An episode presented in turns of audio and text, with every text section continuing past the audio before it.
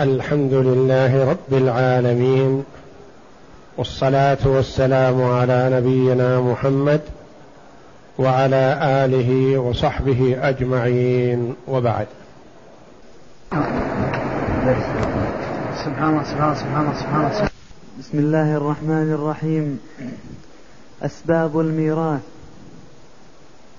ما معنى السبب لغة واصطلاحا؟ لغة ما يتوصل به إلى ما يوصل به إلى المقصود حسبيا كان أو حسيا حسيا. حسيا كان أو معنويا. واصطلاحا ما يلزم من وجوده الوجود ومن عدمه العدم لذاته. نعم.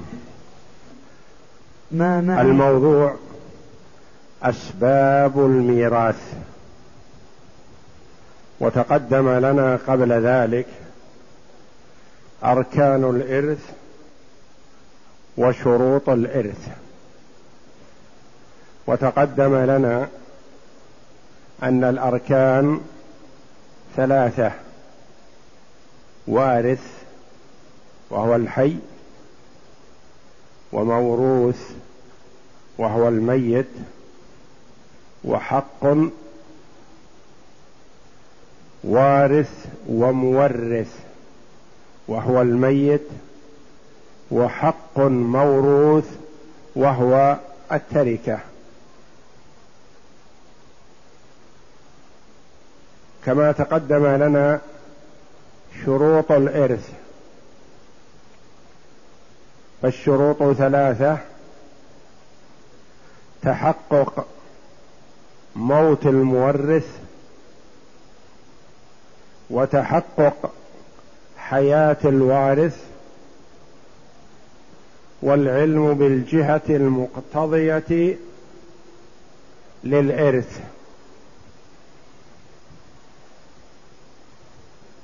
فالأركان ثلاثة والشروط ثلاثة. والأسباب كما سيأتي ثلاثة.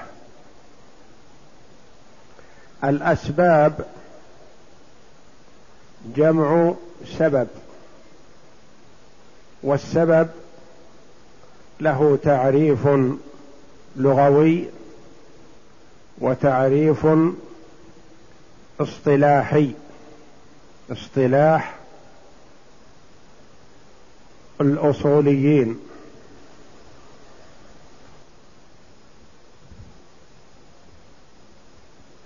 فالسبب في اللغة ما يتوصل به إلى المقصود.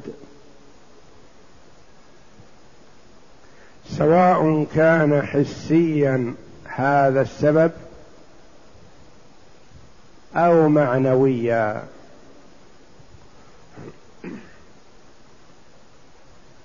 أنت تريد الصعود إلى السطح.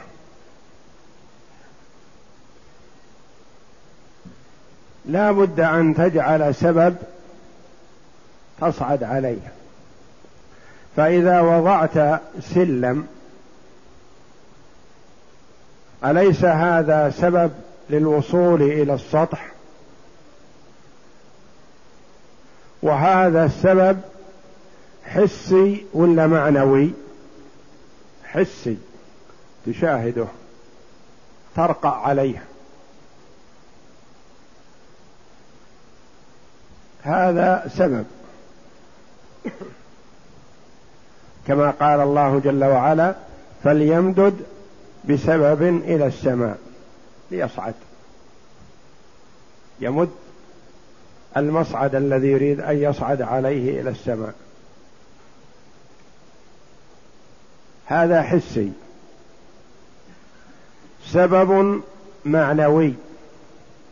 أنت تريد النجاح في الامتحان.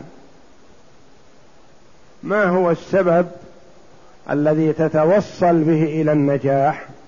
هو الاجتهاد.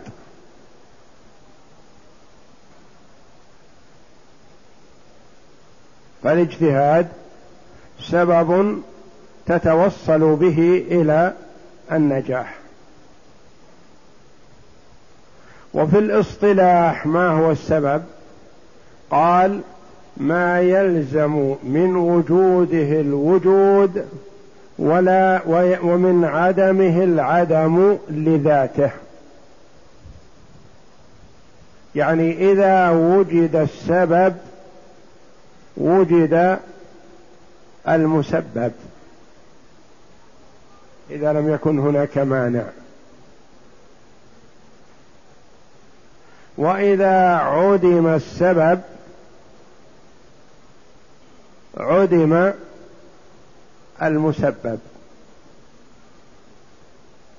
ما يلزم من وجوده الوجود ومن عدمه العدم لذاته. أما لشيء آخر فلا ندري.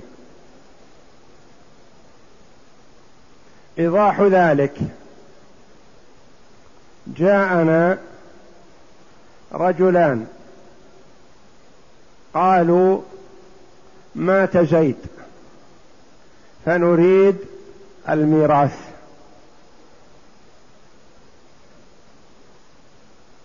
نريد ميراثنا من هذا الميت زيد. نقول أنت الأول ما سبب ميراثك؟ كيف تريد الميراث؟ قال المتوفى أبي. المتوفى أبي. نقول نعم سببك موصل. نعطيه حقه من الميراث. جاء الآخر. قال أريد الميراث من زيد. نقول ما صلتك بزيد حتى تأخذ الميراث؟ يقول زيد جارنا وحبيبنا وأنا أقدره وأحترمه مثل ما أحترم أبي لأني جعلته لي بمثابة أب فأنا أريد الميراث وإلا ما في قرابة صلتي به صلة الجوار فقط. فهل سبب هذا موصل؟ لا. هذا السبب غير موصل ما يعطى شيء من الميراث. ولو كان يحترم زيد أكثر من احترام أبيه وأمه. لأن يعني سبب هذا غير موصل. الثالث مع الاثنين هؤلاء قال أريد ميراثي. قلنا ما صلتك بزيد؟ قال هو أبي. نقول سببك موصل ما دام أنه أبوك. تكلم الأول فقال صحيح هذا ابنه. لكنه قاتل. فهل تعطونه شيء من الميراث؟ نقول لا ما نعطيه من الميراث. ألستم تقولون ما يلزم من وجوده الوجود؟ فوجد السبب الذي هو البنوة. فأنا أريد حقي. يلزم من وجود السبب وجود الميراث. نقول لذاته. إذا لم يكن هناك صارف آخر أما إذا كان هناك صارف آخر فينظر إليه. فأنت وجد السبب والأصل أنك ترث لكنك حرمت من الميراث. لا لأن سببك قاصر سببك موصل لكن فيه مانع آخر فيه حاجز وهو قتلك لأبيك يمنعك من الميراث.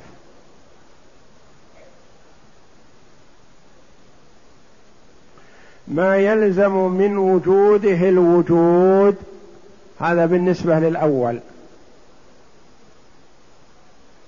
الوارث الأول أعطيناه حقه ابنه ولم يوجد مانع. ومن عدمه العدم هذا بالنسبة للرجل الثاني. عدم السبب فعدم الميراث. ما يعطى ميراث من أجل الجوار ولا من أجل المودة.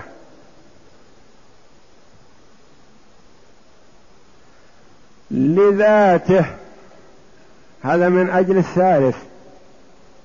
الثالث سببه موصل لذاته لكن وجد مانع آخر. وجد حاجز وهو قتله اقدامه على قتل أبيه والعياذ بالله. فهو معه سبب لكن السبب هذا وجد ما يمنعه ويحرمه.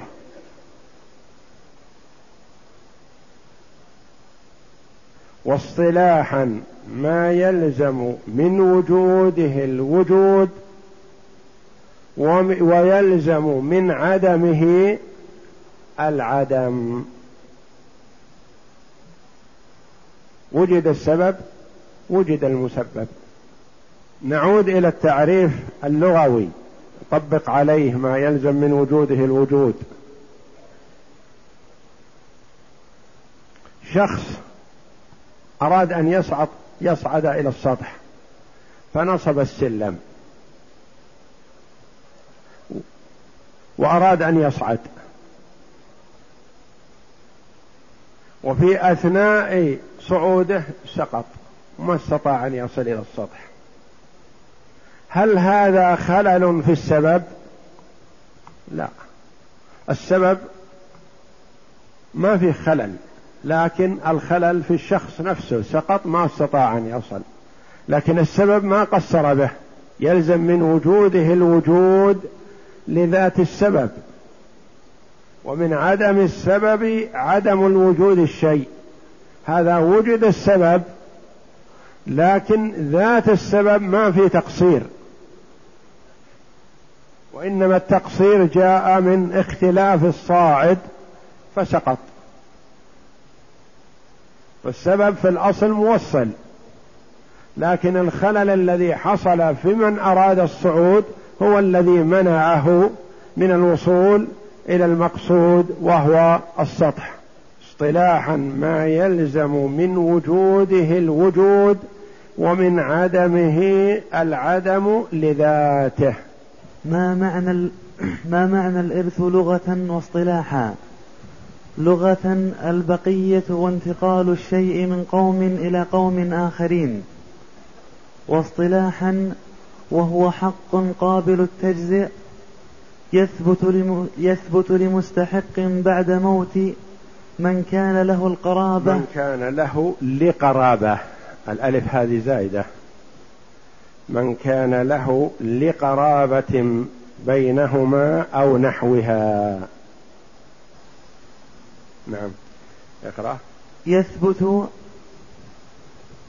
لمستحق بعد موت من كان لقرابة من كان له لقرابة. من كان له لقرابة بينهما أو نحوها. ما معنى الإرث لغة واصطلاحا؟ الإرث في اللغة البقية. إرث أبيكم إسماعيل. يعني بقية مما ترك لكم. وانتقال شيء الشيء من قوم إلى آخرين. يقال ورثوه.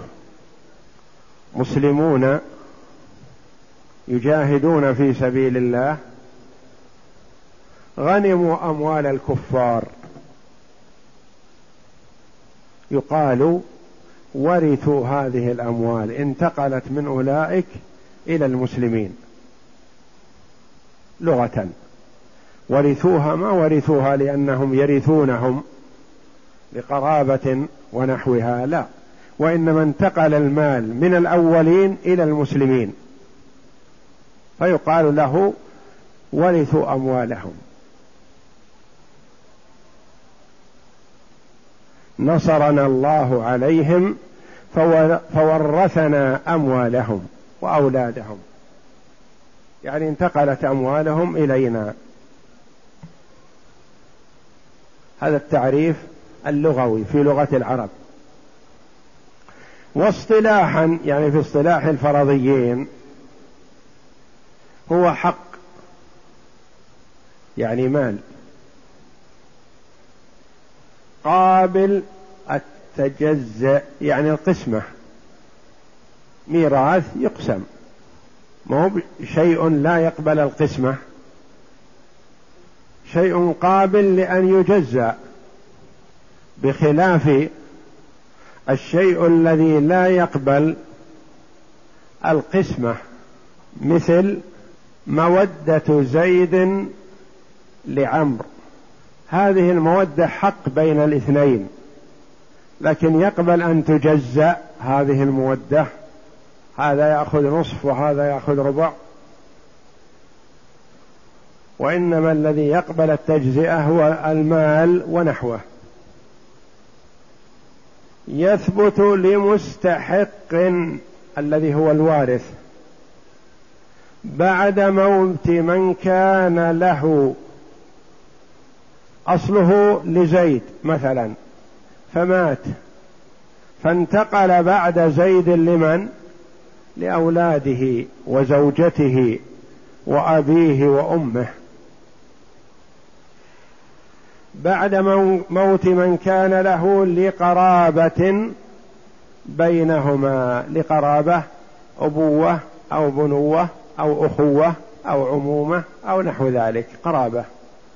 أو نحوها نحو القرابة الزوجية ونحو القرابة الولاء. يكون معتق.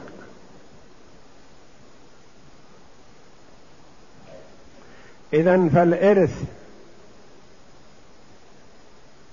في الاصطلاح حق قابل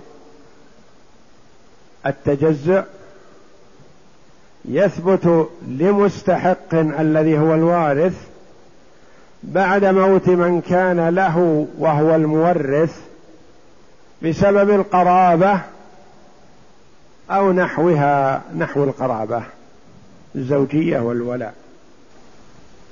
نعم. كم أسباب الارث وما هي؟ نعم. الأسباب المتفق عليها ثلاثة. الأسباب المتفق. الأسباب المتفق عليها ثلاثة. وهي النكاح والولاء والنسب. أما بيت المال فهو سبب رابع عند الإمام مالك وعند الشافعية إن انتظم على الأرجح عندهم وقال به بعض المالكية. وعندنا وعند الأحناف أنه ليس بسبب وإنما هو حافظ للمال الضائع. نعم. كم أسباب الإرث وما هي؟ كم يسأل بها عن العدد؟ الأسباب في أسباب متفق عليها وأسباب مختلف فيها. الأسباب المتفق عليها ثلاثة. يعني اتفق عليها الأئمة الأربعة. أسباب الميراث المتفق عليها ثلاثة وهي النكاح الزوجية والولاء سببه الرق ثم العتق بعد ذلك كما سيأتي والنسب وهو القرابة. هذه الأسباب. لكن الجوار ليس بسبب من أسباب الميراث مع أنه قد كاد قد كاد أن يكون. كما قال النبي صلى الله عليه وسلم في الوصية بالجار ما, جاء ما زال جبريل يوصيني بالجار حتى ظننت أنه سيورثه. إسلام الشخص على يد الشخص هل يرثه؟ كونه أسلم على يدك. أنت الذي دعوته للإسلام فأسلم على يدك. هل ترثه؟ هذا سبب بعد مختلف فيه. يرى بعض العلماء أنه إذا لم يوجد إلا هذا السبب فإنه يرث به.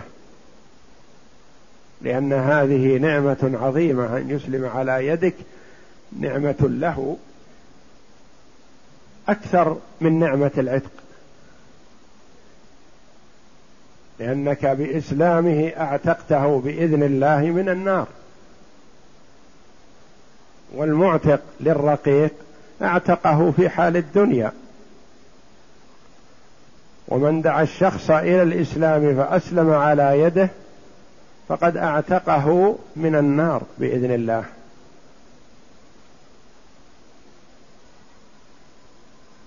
الرابع المختلف فيه بيت المال. بيت المال هل هو وارث أو حافظ؟ للعلماء رحمهم الله فيه أقوال. المالكية قسمان فريقان. فريق قالوا إذا عدمت الأسباب إذا ما استكملت الأسباب السابقة الميراث يرث بيت المال. مثلا هالك عن زوجة فقط. قالوا نقسم المال نعطي الزوجة نصيبها وهو الربع والباقي لمن؟ لبيت المال. هالك عن أخ لأم. قالوا نعطي الأخ لأم نصيبه وهو السدس. والباقي لمن؟ لبيت المال. فالمالكية قالوا إنه وارث. قسم منهم. والشافعية فصلوا. قالوا إن انتظم بيت المال فهو وارث. وش معنى انتظامه؟ أنه يجمع المال من وجهه ويصرفه في وجهه الشرعي. ما يضيع منه ريال لا أقل ولا أكثر. نجعله وارث. وإذا كان يضيع الشيء في بيت المال فلا. بعض المالكية قالوا نحن مع الشافعية. لا نورث بيت المال مطلقا. وإنما نشترط انتظامه.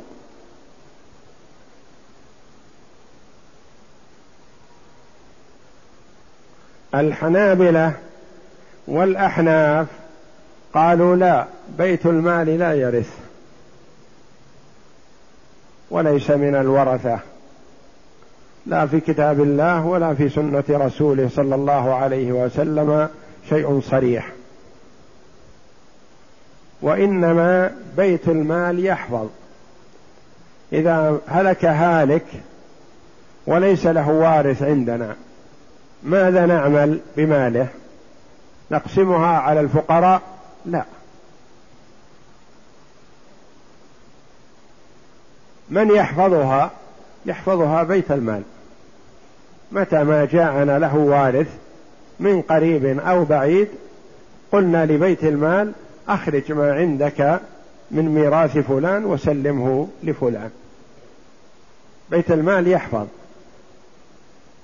ولا يصلح أن نحفظه عند الجار أو عند غيره لأنه عرضة للتلف والضياع والنسيان. أما بيت المال لو لم يأته أحد يطلب هذا المال فهو مصروف في مصالح المسلمين.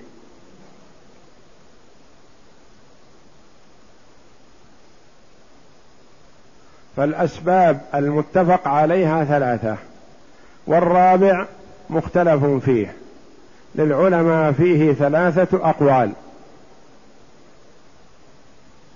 قول أنه يرث وقول أنه لا يرث وقول ثالث أنه يرث بشرط انتظامه. يرث عند بعض المالكية لا يرث عند الأحناف والحنابلة. يرث بشرط انتظامه عند الشافعية وبعض المالكية.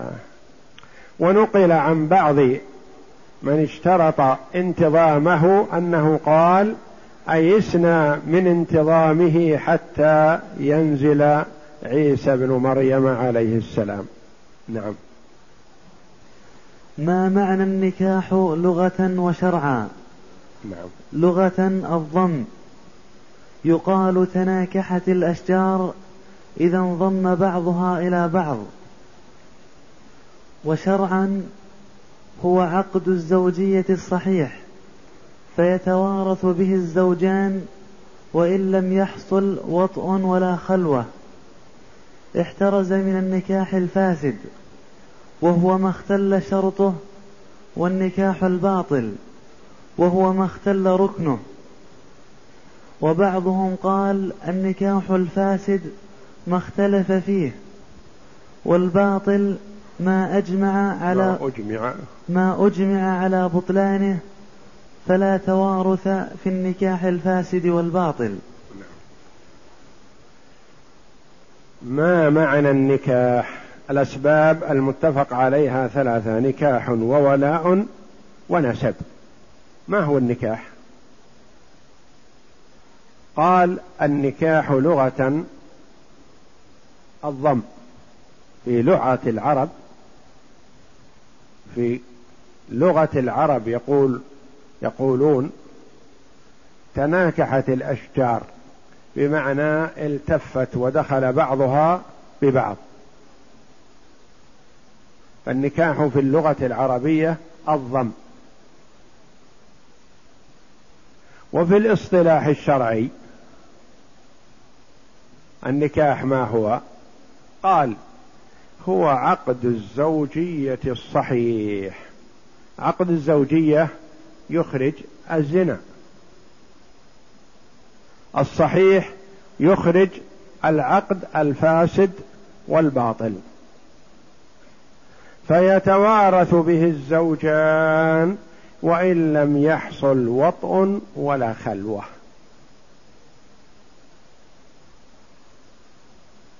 ما دام حصل العقد الإيجاب والقبول يحصل التوارث. وإن لم يرى أحدهما الآخر. عقد ولم يتقابلا جرى العقد بين الزوج وولي المرأة والزوج لم يرى زوجته. فماتت الزوجة بعد يوم أو يومين فهذا الزوج يرثها. له نصف ميراثها ما دام ليس لها ولد.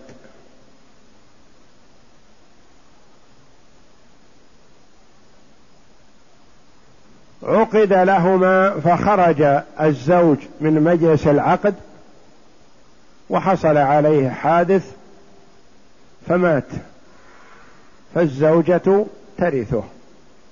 لها المهر من هذا الزوج الذي لم تره ولها الميراث وعليها عدة الوفاة وإن لم ترى زوجها. وإن لم يحصل به وطء ولا خلوة. أو حصل به خلوة ولكن لم يحصل به وطء فكذلك من باب أولى. يتوارثان. احترز من النكاح الفاسد لأنه قال عقد الزوجية به الزوجان. النكاح الفاسد والنكاح الباطل. ما الفرق بينهما؟ يقال هذا نكاح فاسد وهذا نكاح باطل.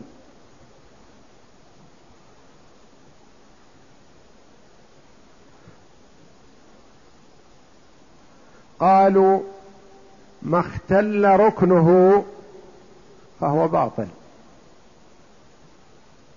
وما اختل شرطه لأن يعني في شروط النكاح وفي أركان النكاح. ما اختل ركنه فهو باطل وما اختل شرطه فهو فاسد. أو يقال ما أجمع على تحريمه فهو باطل وما لم يجمع على تحريمه فهو فاسد. والأمثلة لذلك.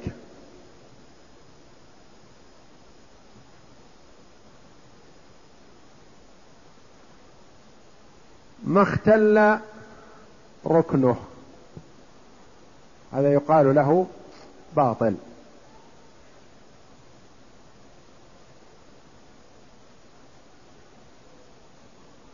رجل عقد على امرأة في عدة من زوج سابق عدة حياة أو عدة موت.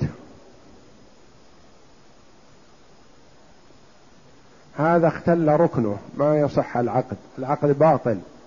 لما؟ لأن أحد الزوجين لم يخلو من موانع النكاح. من أركان النكاح خلو الزوجين من الموانع. هذا في مانع من موانع النكاح بالنسبة للمرأة وهي كونها في عدة. فالعقد عليها باطل.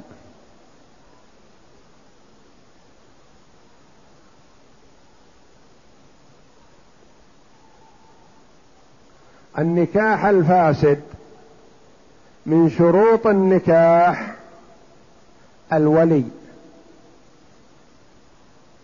من شروط النكاح الولي.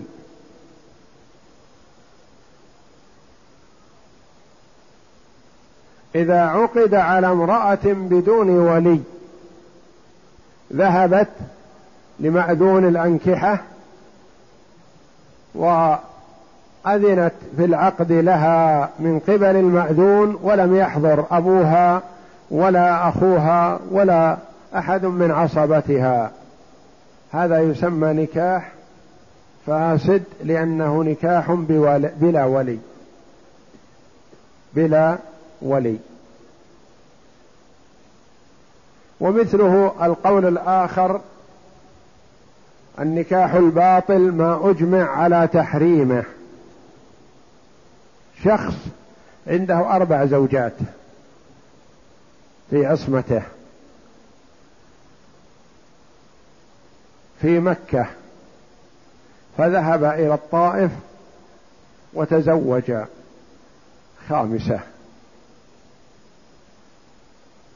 ما حكم نكاحه لهذه الخامسة؟ باطل لأنه مجمع على تحريمه. ما أحد يقول يجوز للرجل أن يتزوج أربع ثم يتزوج الخامسة في مكان آخر أبدا. هذا باطل.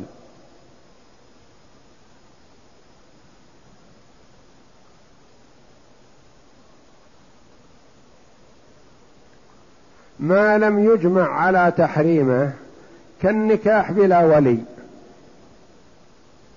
ونكاح المرأة بدون موافقتها ورضاها.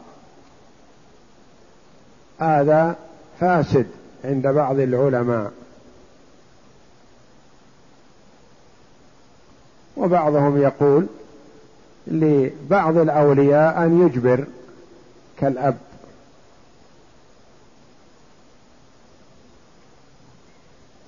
إذا فالسبب الذي يجعل الزوجين يرث بعضهما من بعض هو كون نكاحهما صحيح. وهل يشترط أن يوجد بينهما أولاد؟ لا. وهل يشترط أن يخلو بها؟ لا. وهل يشترط أن يطأها؟ لا. ما دام حصل العقد الإيجاب والقبول فهو وارث. بشرط ألا يكون هذا النكاح باطل أو فاسد. فإن كان النكاح باطل أو فاسد فلا توارث. نعم. هل ترث المطلقة؟ أما الطلاق الرجعي فلا يمنع التوارث ما دامت في العدة اتفاقا. نعم. الطلاق الرجعي يعني حكم ميراث المطلقة. مطلقة ما في زوجية. هل ترث؟ نقول نعم أحيانا ترث لآثار الزوجية السابقة. قال الطلاق نوعان طلاق رجعي وطلاق بائن. رجل طلق زوجته طلقة واحدة. بعد هذا الطلاق هي في العدة وعدتها قد تكون خمس دقائق وقد تكون سنة. وخلال هذه المدة خمس دقائق أو سنة له حق الرجعة. رجل طلق زوجته وهي حامل.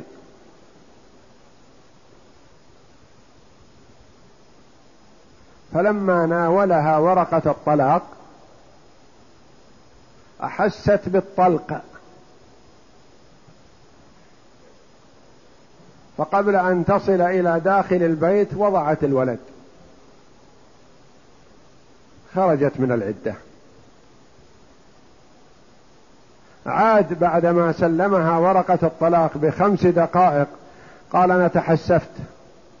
ندمت على ما فعلت. أريد أراجع زوجتي. نقول لا ما هي بزوجتك الآن. يمكن في عصمة زوج آخر. لو جاء آخر وخطبها زوجها أبوها. لأن النفاس ما يمنع التزويج. فكم عدتها؟ هذه ممكن خمس دقائق. بعدما تكلم معها بالطلاق أحست بالطلق. ثم ولدت خرجت من العدة. لو جاء يراجع ليس له حق الرجعة لأن العدة انتهت.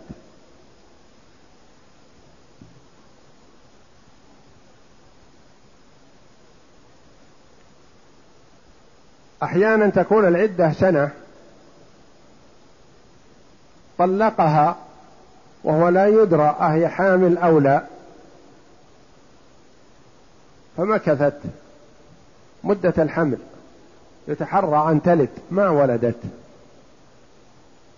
بعد تسعة أشهر مثلا من انتظارنا الحمل والولادة إذا بها تحيض.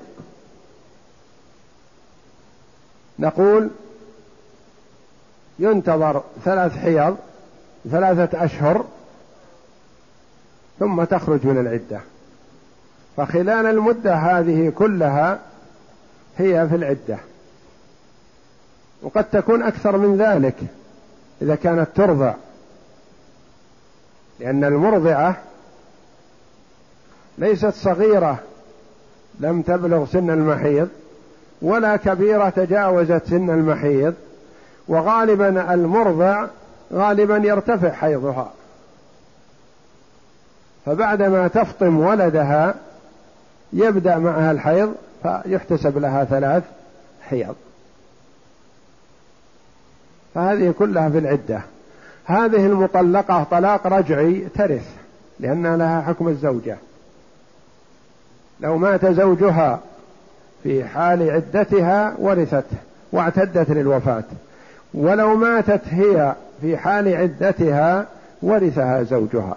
يعني إذا كانت رجعية يعني مطلقة طلقة واحدة أو طلقتين بدون عوض. هذه تسمى طلاق رجعي.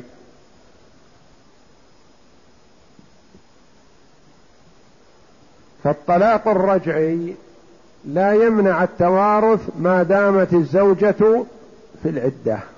فإذا انتهت العدة تفرقا. صارت أجنبية. لا ترثه ولا يرثها.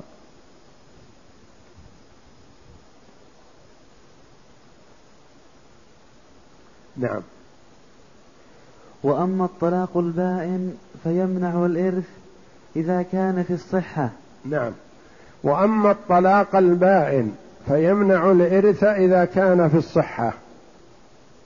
رجل طلق زوجته التطليقة الثالثة. يعتبر تعتبر الآن بائن بينونة كبرى ليس له رجعة عليها. ثم بعد طلاقه إياها بيوم أو يومين مات. هل ترثه؟ لا. لأنها في عدة وهي في بينونة.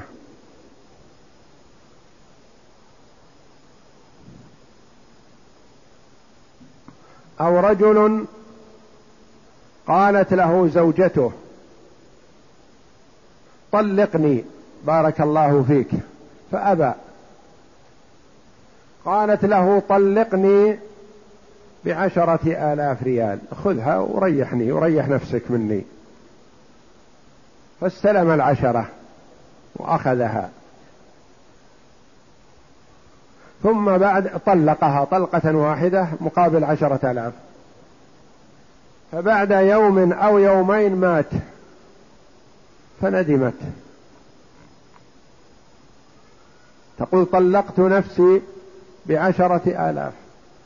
خسرتها. ولو صبرت لأخذت عشرات الآلاف ميراثا واسترحت منه. فهل ترث في هذه الحال؟ لا. لأن طلاقها باين. بعوض. فلا ترث. فإذا طلقها طلاقا بائنا فلا ترث ما دام في حال الصحة. نعم. وأما وأما إذا كان الطلاق في المرض فإذا كان الطلاق بائنا ولم يتهم يتهم بقصد حرمانها من الميراث فإنها لا ترث. أما إذا اتهم بقصد حرمانها من الميراث وكان المرض مخوفا فإنها ترثه في العدة وبعدها ما لم تتزوج أو ترتد. نعم. وأما إذا كان الطلاق في المرض الطلاق في المرض له حالتان. حالة يكون الرجل متهم. بقصد حرمان زوجته من الميراث. كما يفعل بعض الآثمين المخطئين الجاهلين. يطلق زوجته التي ليس لها أولاد يقول من أجل لا تزاحم أولادي وتتعبهم في الميراث. في حال المرض يطلقها.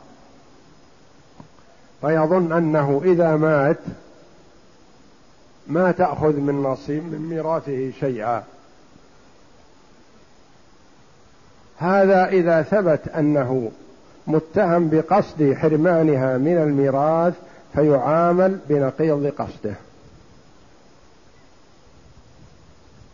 في حالة يكون غير متهم بقصد حرمانها من الميراث. الرجل مريض وطال مرضه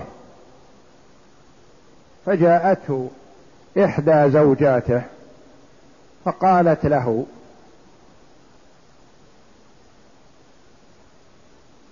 وسع لي وسع الله عليك طلقني.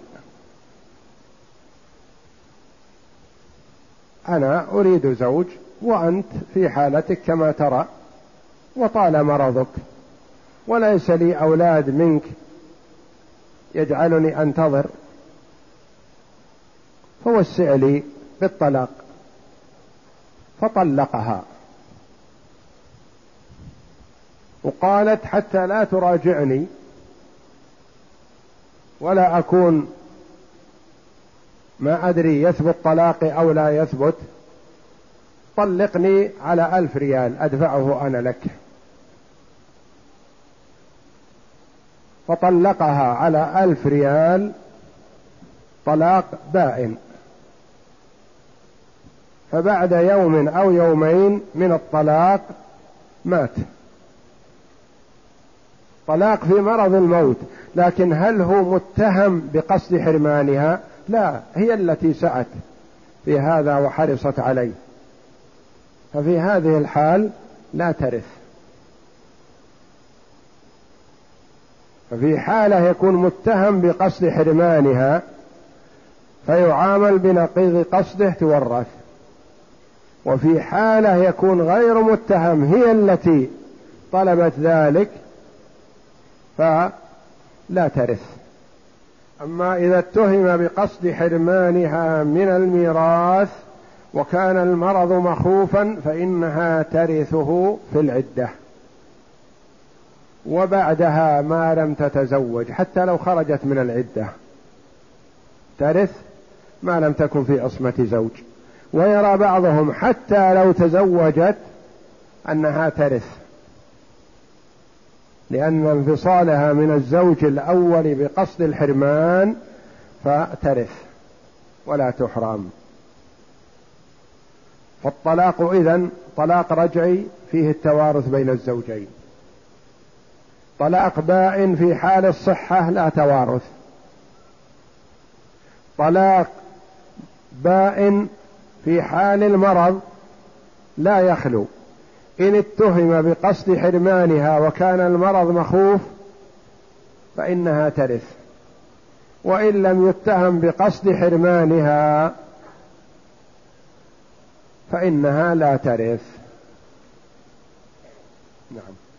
وكذلك وكذلك المرأة إذا فعلت في مرض موتها المخوف ما يفسخ نكاحها من زوجها متهمة بقصد حرمانها من الإرث. حرمانه. بقصد حرمانه. بقصد حرمانه من الإرث. كما لو أرضعت ضرتها الصغيرة. ضرتها الصغيرة. ضرتها الصغيرة فلا فلا يسقط. فلا يسقط ميراث زوجها بفعلها ما دامت في العدة. ما دامت في العدة. أحيانا يكون اتهام بقصد الحرمان من الإرث من الزوجة ما هم من الزوج. الزوجة تكون مريضة فيها مرض مخوف من الأمراض المخوفة وذات مال. وتخشى أن يأخذ زوجها الميراث جل المال الربع إن كان له أولاد لها أولاد منه أو من غيره أو النصف إذا لم يكن لها أولاد. فأرادت أن تحرم زوجها من الميراث بفعل تفعله هي تطلق على زوجها. طلبت من زوجها أن يطلقها فأبى. قال الآن يوشك أن يحصل الموت فيحصل لي خير كثير مال كثير من الميراث فلا أطلق.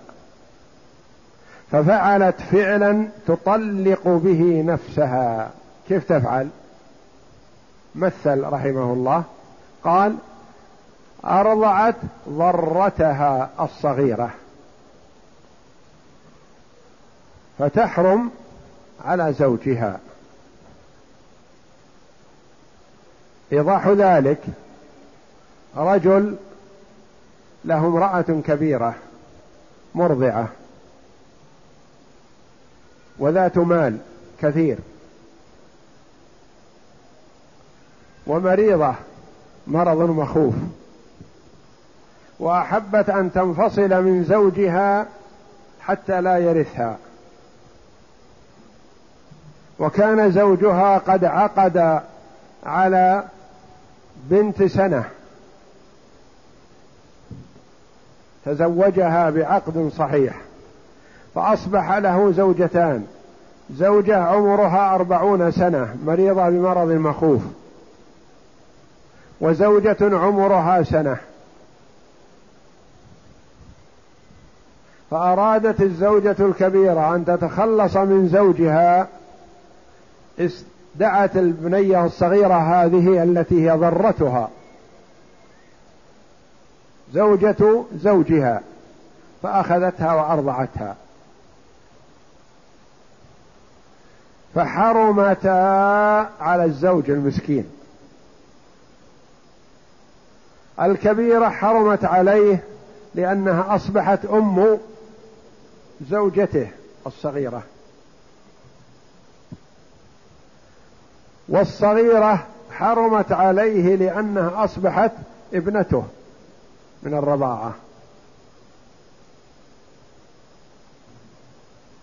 فإذا فعلت ذلك الشقية الكبيرة لقصد حرمان زوجها من الميراث فلا يحرم بل يرث حتى لو حرمت عليه. حرمت عليه لكن يرث. لأنها هي فعلت هذا الفعل بقصد حرمانه من الميراث. فقصد الحرمان قد يأتي من الرجل المطلق وقد يأتي من المرأة التي تريد أن تحرم زوجها من الميراث فترضع زوجته الصغيرة لتكون أما لزوجته. فتحرم عليه الكبيرة لأنها أصبحت أما لزوجته. وتحرم عليه الصغيرة لأنها أصبحت ابنته من الرضاعة. والله أعلم. وصلى الله وسلم وبارك على عبده ورسول نبينا محمد وعلى آله وصحبه أجمعين. هذا السائل الذي يذكر عن تعصب جماعة ضد فرد صالح ويقول هل نستعاون مع أخينا؟ أقول نعم. من أراد أن ينفع أخاه بشيء ينتفع به بغير أن يتعدى على الآخرين بشيء حرام فليفعل. انصر أخاك ظالما أو مظلوما. يقول السائل قبل زوال الشمس وجدت بللا من جنابة فلم أدري أهو من نوم الليل أم من نومي بعد صلاة الصبح؟ والسؤال هل أعيد صلاة الصبح أم لا؟ إذا لم تتيقن أنك صليت الصبح على جنابه فالأصل براءة الذمة.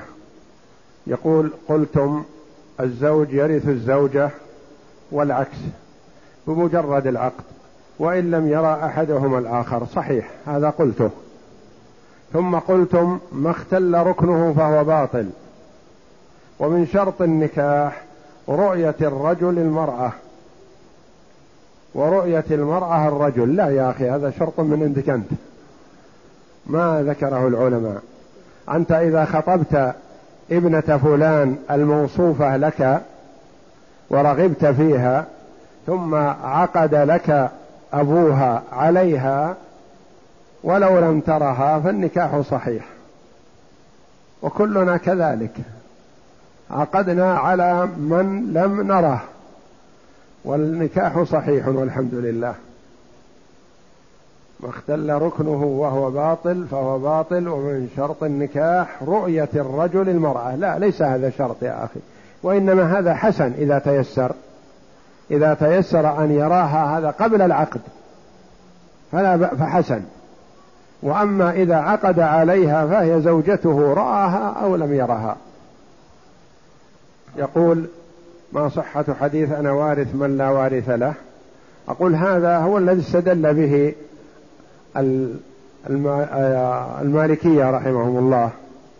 قالوا إن النبي صلى الله عليه وسلم لا يرث لنفسه وإنما يرث لمصالح المسلمين فهو بمثابة بيت المال فالرجل الذي لا, مير لا وارث له نعطي ميراثه لبيت المال فيكون بيت المال وارث.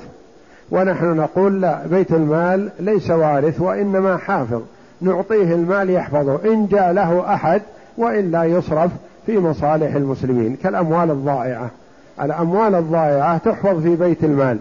إن أتى لها أحد صرفت له وإن لم يأتي لها أحد فتصرف في مصالح المسلمين. يقول السائل ما حكم من كان صائم وقام بعمل العادة السرية؟ هل الصوم يبطل وهل يلزم كفارة؟ أولا نعرف أن عمل العادة السرية الذي هو الاستمناء باليد ونحو ذلك هذا محرم ولا يجوز. لأن الله جل وعلا قال والذين هم لفروجهم حافظون إلا على أزواجهم أو ما ملكت أيمانهم فإنهم غير ملومين. فمن ابتغى وراء ذلك يعني تجاوز هذا فأولئك هم العادون. والذي ينكح يده أو